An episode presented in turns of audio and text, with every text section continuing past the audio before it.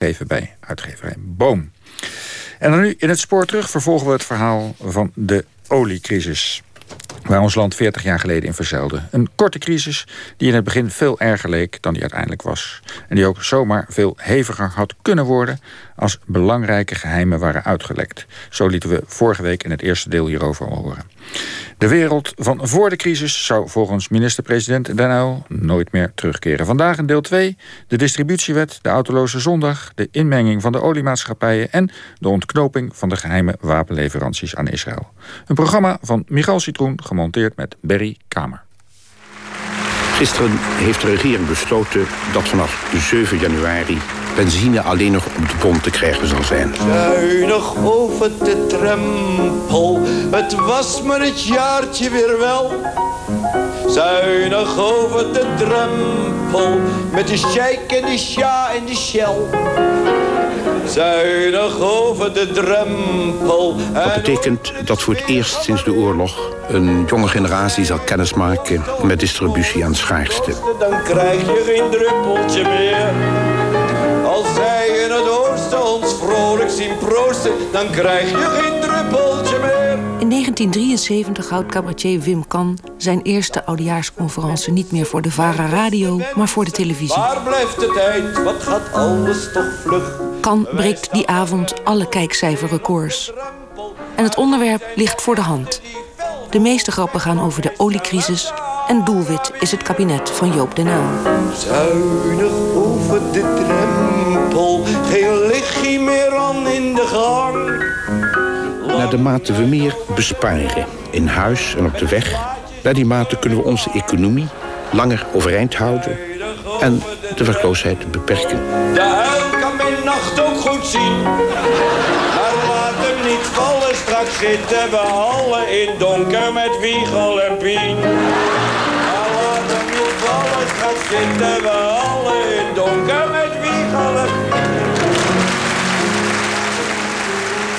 Die herfst hebben de Arabische oliestaten met een olieboycott duidelijk gemaakt het niet eens te zijn met de Nederlandse steun aan de staat Israël. Toen ik minister werd, waren wij allemaal pro-Israël. En zij doen een aanval op de machtspositie van Rotterdam in de internationale oliehandel. Die olieimporten zijn voor Nederland van enorme betekenis. Ook gezien onze doorvoerrol naar eh, achterland in Duitsland en België en dergelijke. Maar ook voor de Nederlandse petrochemische industrie. Iedereen krijgt met de boycott te maken wanneer minister van Economische Zaken Ruud Lubbers aanmaant tot zuinigheid. Uh, die zaken worden onderling afgewogen. Maar dat willen we dan toch doen in het kader van een meer totale aanpak. Waarbij het waarschijnlijk uh, ook een heel belangrijke zaak zal zijn. Dat we mensen op zullen roepen met bepaalde voorlichting. Om bepaalde punten domweg zuiniger te zijn. Zet de televisie maar af, jongens. Doe nou maar in de huiskamer. Hebben jullie last van. Zet hem nou af, kost allemaal stroom. Meneer Lubbers heeft het zelf waar. Meneer Lubbers is van de economische zaken. Die gaat over de stroom. Ons eigen stroomkoninkje. Ik zal maar zeggen, in 1940 hadden we ook zo'n soort regering, weet je wel. Uh, 10 mei zei ze, 9 mei zei ze nog, ga maar rustig slapen of zo, begrijp je wel. Nou, dat is niet zo rustig geweest toen. Hè. Het was geen stille nacht eigenlijk toen. En toen hebben we dan in, nou, in oktober gehad. Toen kwam het eerste schaduw uit het Midden-Oosten en zo. En toen zei ze, ah, doe de gordijnen een uurtje eerder dicht, weet je wel. Ja, goed, in ieder geval, autoloze zon dat die hadden we, meneer. Bevalt u dat? Ik vind, ja, ik vind het wel lekker. Wie vindt het leuk, die autoloze zon? Ja, ik ook. Ik vind het fijn, hoor. Als we benzine hebben, moeten we het erin houden. Een soort periodieke onthouding. De gordijnen een uur eerder dicht, de kachel lager... en vooral minder benzine in de tank. Ook koningin Juliana stapt op de fiets om het goede voorbeeld te geven. En om solidair de crisis aan te pakken... is hamsteren natuurlijk uit den boze. Want dat gaat om diezelfde sfeer uit. Hier moeten we samen een lijn trekken had natuurlijk ook te maken met... er is geen reden dat Hans hebt nou vertrouwen dat economische zaken het goed doet. De autoloze zondag is achteraf de maatregel die de meeste mensen is bijgebleven. Het lijkt eenvoudig uit te voeren, maar het debat over de categorieën mensen waarop het verbod wel of niet van toepassing is, blijkt ingewikkeld.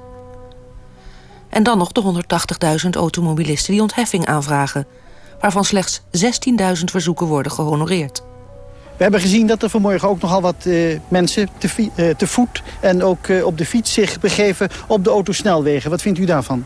Als formalist zou ik moeten zeggen strafbaar, dus daar moeten we wat aan doen. Aan de andere kant volslagen begrijpelijk en het gevaar is niet zo groot. Maar we houden wel toezicht op, want het kan natuurlijk niet. De wet wordt aangepast en overtreders worden flink aangepakt. Ik wist dat ik op tijd weg moest gaan, want om uh, één uur zou, uh, zou het verbod ingaan. De ernst van de maatregel ervaart student Jan van Bommel op 4 november 1973... wanneer hij s'avonds van Amsterdam terug moet naar huis in Nijmegen. Ik reed Arnhem binnen en het was uh, één uur. Ik denk, ja, wat zal ik doen? Nou ja, ik ben iemand die dan uh, eigenlijk vanzelfsprekend het risico neemt en doorrijdt. Dus ik ben doorgereden en in die tijd moest je nog dwars door Arnhem rijden. Tegenwoordig gaat er natuurlijk een autoweg omheen. Nou, en uh, ik reed Arnhem weer uit. Ik kwam op de autoweg naar Nijmegen en daar kwam een politieauto aan. Ja, en ik, werd, uh, ik moest natuurlijk stoppen. En uh, ja, meneer, weet u niet dat, het, dat u nu niet meer mag rijden? Ik zeg, ja, dat weet ik. Maar ja, ik het verhaal vertellen. Nou ja, het was natuurlijk duidelijk dat ik, dat ik daar niet mocht zijn op dat moment. Nou, de politie belde onmiddellijk een takelwagen op. Tien minuten later kwam er een grote takelwagen aan en mijn auto... Ja, ik reed natuurlijk in die tijd een Diane.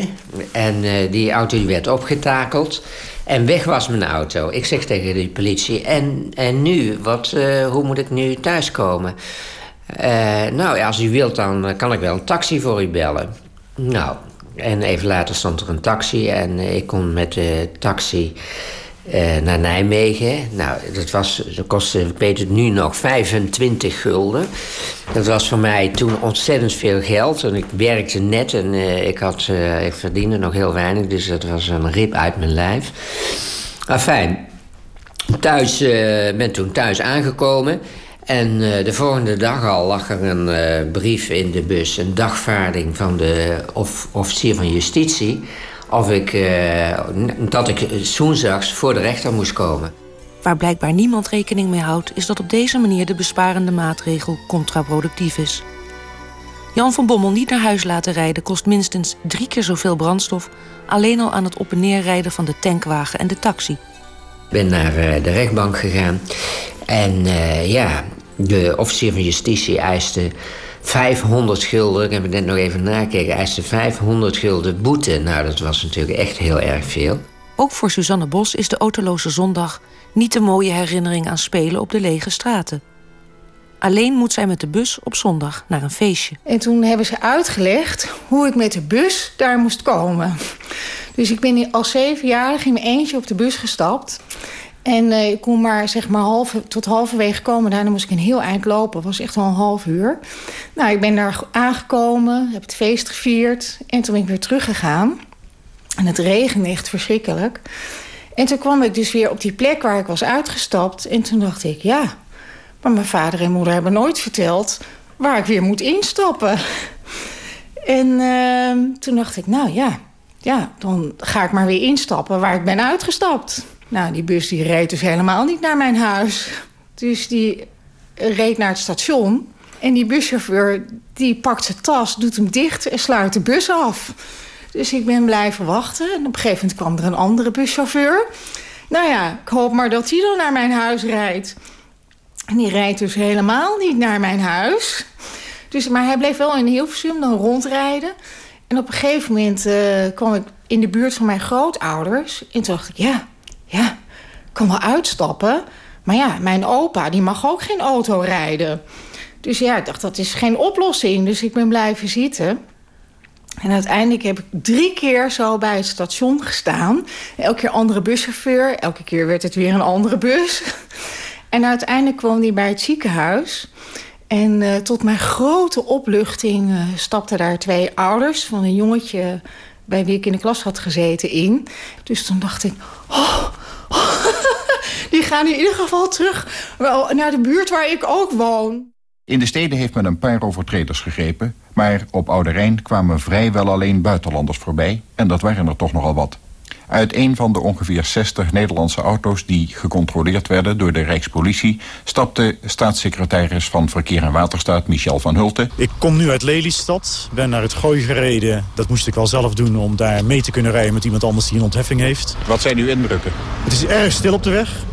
Uh, dit is sinds Lelystad mijn eerste controle. Ik kan me nog wel herinneren uit die tijd dat, ze, dat er met opzet uh, hoge, ja, een heel batterij aan maatregelen uh, tevoorschijn werd getoverd.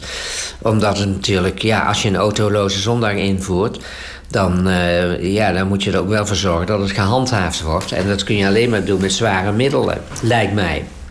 Dus men had snelrecht ingevoerd. Dat uh, iedereen die op zondag reed, die kwam in dezelfde week nog voor de rechter. En niet voor de kantonrechter, maar voor de rechter. Ja, en uh, juist natuurlijk die eerste zondag uh, ja, hebben ze juist veel mensen opgepakt. Er is ook publiciteit aangegeven dat op, op die manier ervoor gezorgd werd dat de, volgende zondagen er niet veel mensen meer waren die de weg op gingen. En dat was ook zo. We gaan een historische tijd tegemoet. We staan op een historische drempel, laat ik u dat even vertellen hoor. Vrede op aardgas en in de prijzen welbaren.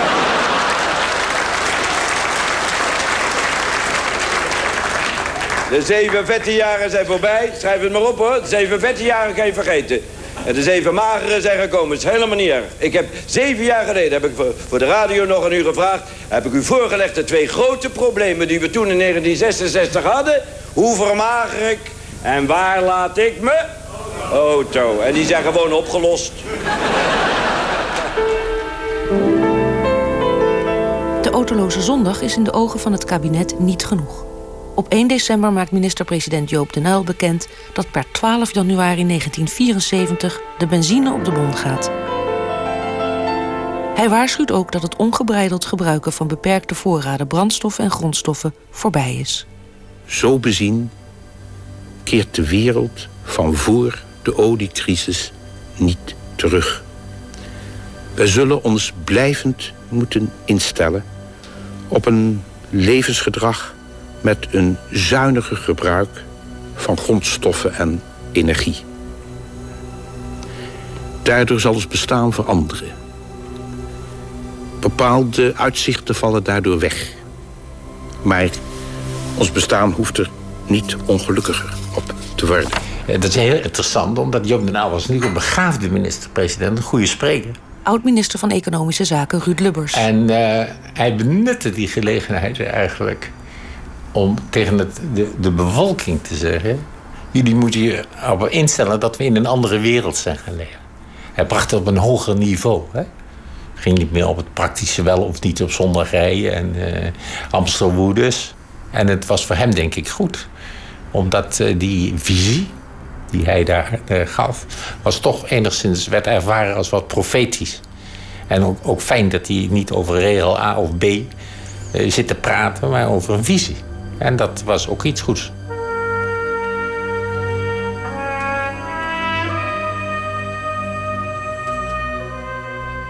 Jan van Bommel. Ik kan me nog heel goed herinneren dat uh, op een gegeven moment Den Uil voor de televisie kwam in een soort extra uitzending. En dat hij zei. Uh, ja, met een heel ernstig gezicht en met een gedragen stem zei hij, de wereld zal nooit meer uh, blijven uh, zoals hij nu is. Het, alles gaat echt veranderen. Ik dacht, dit is een historisch moment. Hier gebeurt iets, iets heel bijzonders. En ik dacht natuurlijk dat het, dat het heel erg waar was en dat het zo zou zijn. Ook de vrouw van minister-president Den Uyl levert haar bijdrage. Mevrouw Den Uyl, wat uh, doet u nou hier in uw eigen huis... om uh, mee te helpen aan het oplossen van de energiecrisis? Ja, ik uh, heb van de week voortdurend in huis lopen denken aan de tijd... toen ik nog een jong meisje was... dat er in Nederland distributie was in de oorlog 40, 45. Nu, het is nog maar zo kort. Je zit er nog niet zo ernstig in als toen in de oorlog... waarbij je ook voortdurend zag hoe het steeds erger wordt. Maar ja, je, je probeert het toch. Gordijnen dicht, kamers die je overdag niet gebruikt... de slaapkamers meteen de verwarming afdraaien, de deuren dicht... geen onnodige lichten laten branden... Um, het is nu, uh, nu zondag, een autoloze zondag. Het is buiten erg stil. Uh, uw man heeft uh, waarschijnlijk ontheffing. En dat betekent dus dat u niks merkt van die autoloze zondag. Dat u rustig met de auto op stap kunt. Nou, nou ligt het beslist niet. Mijn man heeft natuurlijk alleen ontheffing voor dringende staatszaken... als hij op zondag per se ergens naartoe moet... als er een ramp of zo zou zijn. Goedemorgen, meneer. Mag ik vol met super? Ja, zeker. Mag ik even uh, uw ontheffing zien?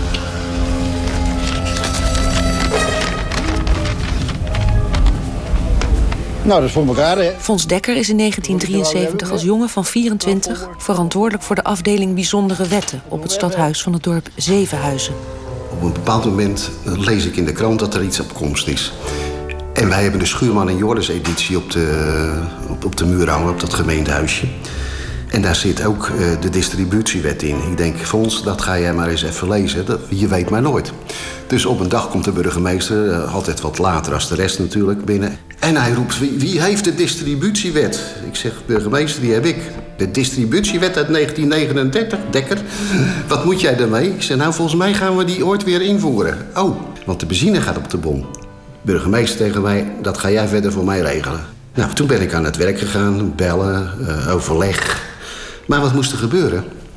Iedereen wist wel dat er natuurlijk een gigantische uh, ja, uh, toeloop zou komen. Want de hamsterwoede zou gaan, uh, gaan ontstaan. En Dekker zei hij dan, je hou je hoofd koel... En als er wat is, dan roep je mij maar. De distributiewet uit 1939 wordt dus van stal gehaald... en vanaf 12 januari heeft iedere automobilist... in ruil voor een bon uit het bonnenboekje... recht op 20 liter benzine per week. Ook op deze regeling kan ontheffing worden aangevraagd. Dat, dat sloeg in als een bom. En, en, en zo'n burgemeester, die, zo'n man heeft natuurlijk een dubbele verantwoording. Dus iedereen die bij mij aan het loket kwam en ruzie maakte... en uh, mij uitschot voor verrotte vis en dergelijke... moest ik hem rapporteren, want hij wilde ook niet natuurlijk... dat hij via de lokale partijen uh, neergezet zou worden als burgemeester in oorlogstijd. Dat is natuurlijk de andere kant. Ik, ik, ik, denk dat dat in meerdere kleine gemeenten gebeurd is. In een dorpje zoals Zevenhuizen... Daar, daar, woonden natuurlijk veel mensen die in Den Haag, Rotterdam uh, werkten. En moesten natuurlijk met de auto. En openbaar vervoer heb je daar niet. dat zal ook nooit zo lukken. Dus die waren echt ge gemankeerd op dat moment. Dus er werd er op een bepaald moment uh, binnen bijzondere wetten, die ik dan ook deed, werd er opeens gezegd van ja, maar stel je nou eens voor dat ze in de achtertuin 12 of 13 jerrycans uh, met benzine in de uh, schuurtje gaan zitten. Ja, hoe kan je dat controleren? Dus de dienst gemeentewerken, die kreeg opdracht in, om dat in de gaten te houden. Maar ja, dus die werden gestationeerd in de buurt van benzinepompen. Of, of, of, dat allemaal gelukt is, weet ik niet. Maar ik weet wel uit ervaring dat er mensen waren... die hadden 13 tot 14 jerrycans benzine in, in de schuur die staan. Levensgevaarlijk overigens natuurlijk. De benzinedistributie wordt heel wat minder enthousiast aanvaard... dan de autoloze zondag. Dat werd toch een beetje uh, moeilijk allemaal. Ruud Lubbers, toenmalig minister van Economische Zaken. Omdat ambtenaren, ja, god, en ik was ook de baas van de ambtenaren... ik hoor daarbij... Uh, altijd de neiging hebben om ja, dat zo te regelen dat het niet goed gaat. Ze regelen eigenlijk te veel of ze regelen te weinig. Dus dat, dat, dat, dat was een beetje rommelig, die tijd. Intussen blijft minister van Buitenlandse Zaken Max van der Stoel... ondanks tegenwerpingen van adviseurs... de toenadering tot de Arabische oliestaten weigeren. Van der Stoel heeft altijd gezegd... het ging niet om mijn beleid of het beleid van de Nederlandse regering. Dit was een vooropgezet plan Rotterdam te raken. En om de, de rol van Rotterdam als distributiecentrum in de, je zou kunnen zeggen, de traditionele oliesector, de, eh, als machtscentrum in de traditionele oliesector, en om, om die te raken. Hoogleraar internationale betrekkingen Duco Hellema schrijft in 1998 samen met collega-wetenschappers Kees Wiebes en Toby Witte een grondige analyse van de oliecrisis met de titel Doelwit Rotterdam.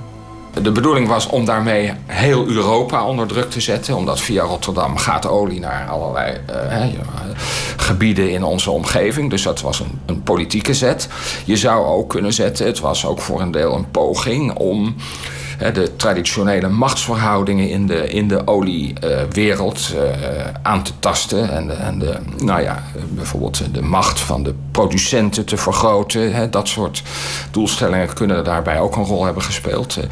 Dat is allemaal niet zo makkelijk uh, om dat heel duidelijk voor, eh, om daar duidelijke oordelen over te vellen. Omdat naar alle waarschijnlijkheid de betrokkenheid van verschillende Arabische landen ook, ook uiteenlopende motieven had. Sommige landen wilden de olieproductie nationaliseren. Anderen waren weer vooral geïnteresseerd in het verhogen van de prijs. Sommige landen waren vooral geïnteresseerd in het politieke gebruik van het oliewapen ten behoeve van de Palestijnse kwestie. Uh, dus dat liep ook wel een beetje uiteen allemaal. Den uil in den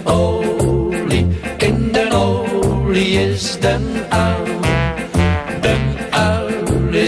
Den is den uil. Koekoe, koekoe, ja Joop moet in den hoek. Naarmate de crisis voortduurt en de zorgen om dreigende olietekorten toenemen. Ja, Joop krijgt voor zijn broek. En zeker wanneer de benzine op de bon gaat, begint de warme onderlinge solidaire sfeer rap af te nemen. Bij de politieke oppositie, in de kranten en in de commentaren wordt de aanval op het kabinet Den verscherpt. Zo ook op de radio, in de toestand in de wereld door meester G.B.J. Hilterman. Wel nu tot mijn leedwezen betwijfel ik of onze regering veel nuttigs gaat ondernemen om ons te bevrijden van de bijzondere banvloek van de olie-Arabieren. Tenminste, als zij vasthoudt aan haar ongewone opvattingen over de doelstellingen van de buitenlandse politiek. In de Tweede Kamer zijn die onvoldoende ter sprake gekomen. De oppositie zond te deze zaken onvoldoende geschoolde woordvoerders naar het spreekgestoelte. De kardinale vraag scheen te zijn of om nachtkroegen te gerieven het rijverbod voor de zondag niet op zodanig tijdstip kon ingaan dat de bezoekers zich niet overhaast behoefden te bedrinken. Onvoldoende werd duidelijk vastgesteld dat de openbare mening, ook de politieke partijen en haar woordvoerders, vrijelijk van hun sympathie mogen laten blijken, maar dat een regering een aparte, een eigen, bijzondere verantwoordelijkheid heeft en daarom een eigen regeringsstandpunt moet innemen en dat bij ons eh, dat niet gebeurd is zodat wij de boycott wel degelijk danken aan de onervarenheid plus schoolmeesterachtigheid van de nieuwe regering. De regering eerst recht dient er namelijk zeer nadrukkelijk van uit te gaan... dat het niet de bedoeling is dat de Israëli's de Arabieren uitroeien... en dat de Israëli's zich alleen in het nabije oosten kunnen handhaven... als zij zich met de Arabieren verzoenen. En zelfs Hilterman is net als het kabinet en de Tweede Kamer... ook niet op de hoogte van de geheime wapenleveranties aan de Israëli's... op initiatief van de minister van Defensie Vredeling... met behulp van zijn staatssecretaris Bram Stemerdink die bereid was zich in der tijd persoonlijk te offeren als dat ooit was uitgekomen. Als het gekoppeld zou zijn geweest, die boycott, aan, aan wapenleverantie, munitie, dan was dat een veel grotere toestand geworden. Dan was de Arabische wereld, was, was, nou weet ik wat ze gedaan hadden. Maar dit was gewoon vanwege de algemeen positieve houding van Nederland ten aanzien van Israël. En omdat ze dachten dat Nederland een klein land was wat ze dan makkelijk als, als, als, uh, als uh, de kwaaie pier konden aanduiden. Hè? Maar ze vergaten dus dat Shell het hoofdkwartier in Nederland had. En dat de Shell-directie gewoon die schepen alle kanten opstuurde. Al naar believen. Ik heb daar later een paar keer met, met Wagner over gesproken toen ik hem tegenkwam. En toen zei hij ook, ja, zegt hij, maar die, die, die Arabieren... die hebben toen totaal niet aan gedacht dat wij een multinational zijn, maar in feite een staat in het statenpatroon op energiegebied. En dus dat wij schepen links en rechts uh, kunnen sturen zonder dat iemand dat weet. Kun je op de oceaan nog laten draaien. Kun je nog de, de ladingen verkopen. Gebeurt ook is ook het normale patroon. De situatie is natuurlijk toch dreigend als, als uh, landen, een aantal belangrijke olie-exporterende landen, echt je eruit pikken. En je, Hoogleraar en je, internationale betrekkingen, Duco Helma. Dus aan een embargo zeggen, dat is natuurlijk allemaal niet prettig. Uh, en het is ook zo dat even de importen gaan dalen. Dat is, uh, als ik me wel herinner, dus inderdaad zo november, uh, misschien begin december nog. Maar daarna herstelt het zich. En bovendien, wat ook vaak achteraf is opgemerkt, het was een hele zachte winter, dus er is weinig gestookt. Nederlanders zijn altijd voeren braaf de autoloze zondag uh, maatregelen uh, uit. dus het, het binnenlands verbruik daalt. Bovendien is het ook zo dat we vrij effectief ook de doorvoer enigszins weten te beperken door een vergunningensysteem. Het is niet uitgesloten dat er grote voorraden al waren in het, in het, in het botlekgebied. Ook in mogelijkerwijs omdat sommige oliemaatschappijen dit aan zagen komen. Dus die voorraden zijn, blijkt dan in januari, enorm goed. Dus we hebben zelfs allerlei berichten gevonden in het archief van Economische Zaken dat de oliemaatschappijen opdracht geven aan tankers om langzamer te varen. Dat er uh, noodmaatregelen worden genomen, inderdaad, om, om olie op te slaan in, in tankers die voor de, ergens voor de haven van Rotterdam dan in de Noordzee liggen. Dus ja, dat zijn bijna kolderikke situaties. Omdat op datzelfde moment nee, het, het kabinet, en dat kan je zeggen, dat is natuurlijk achteraf eigenlijk een enorme fout geweest, dan alsnog die distributie gaat doorzetten.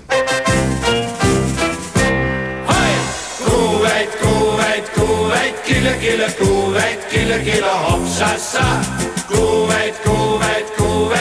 kille, Maar hoe deze crisissituatie ook zal aflopen, opnieuw is duidelijk geworden hoe afhankelijk we Nederland zijn van andere landen.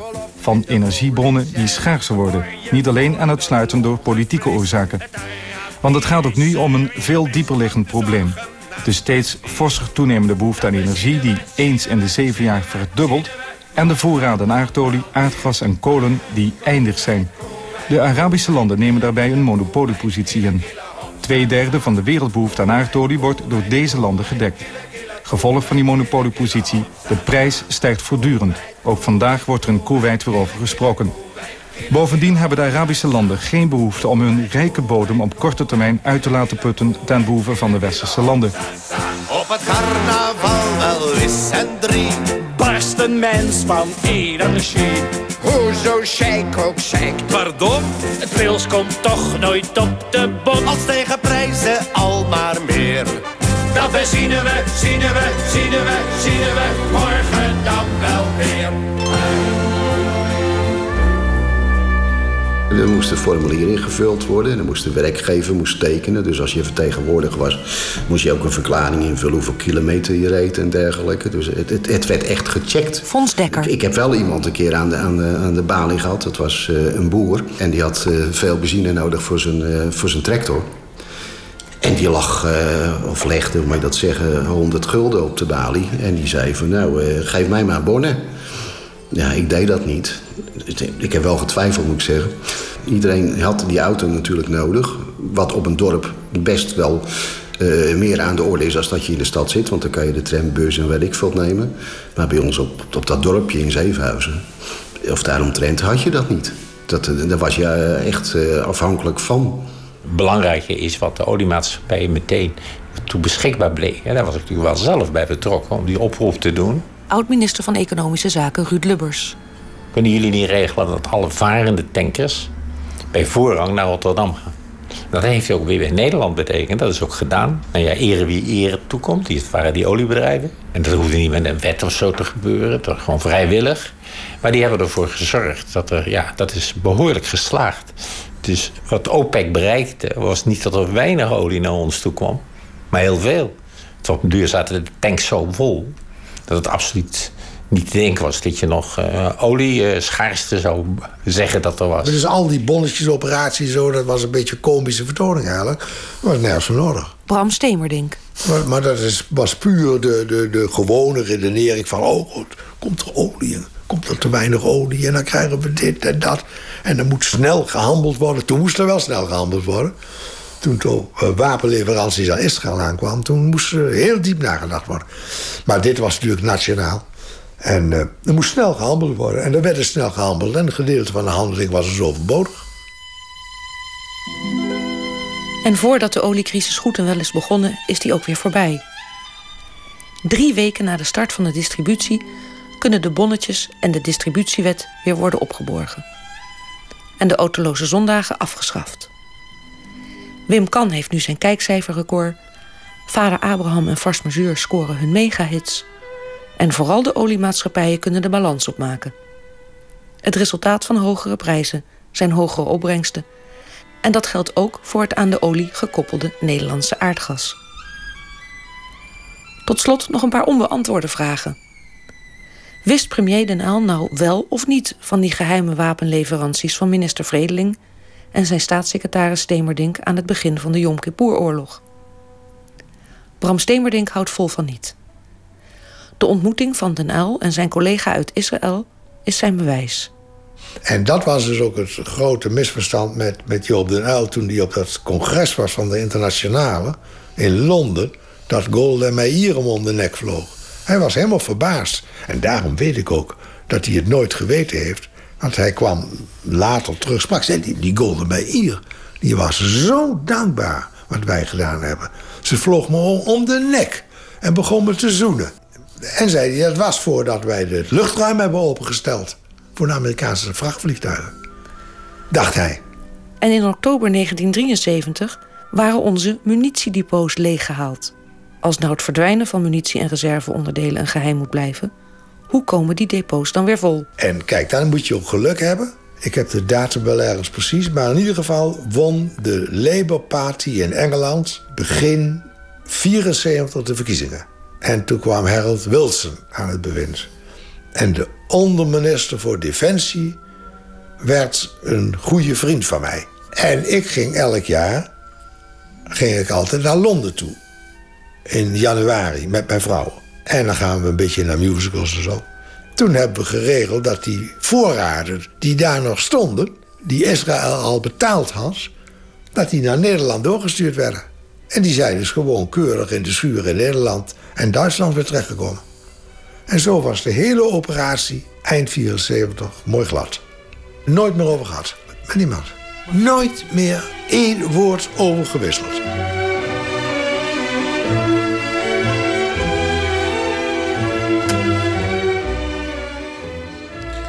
Ja, dit was het slot van ons tweeluik over de oliecrisis van 40 jaar geleden.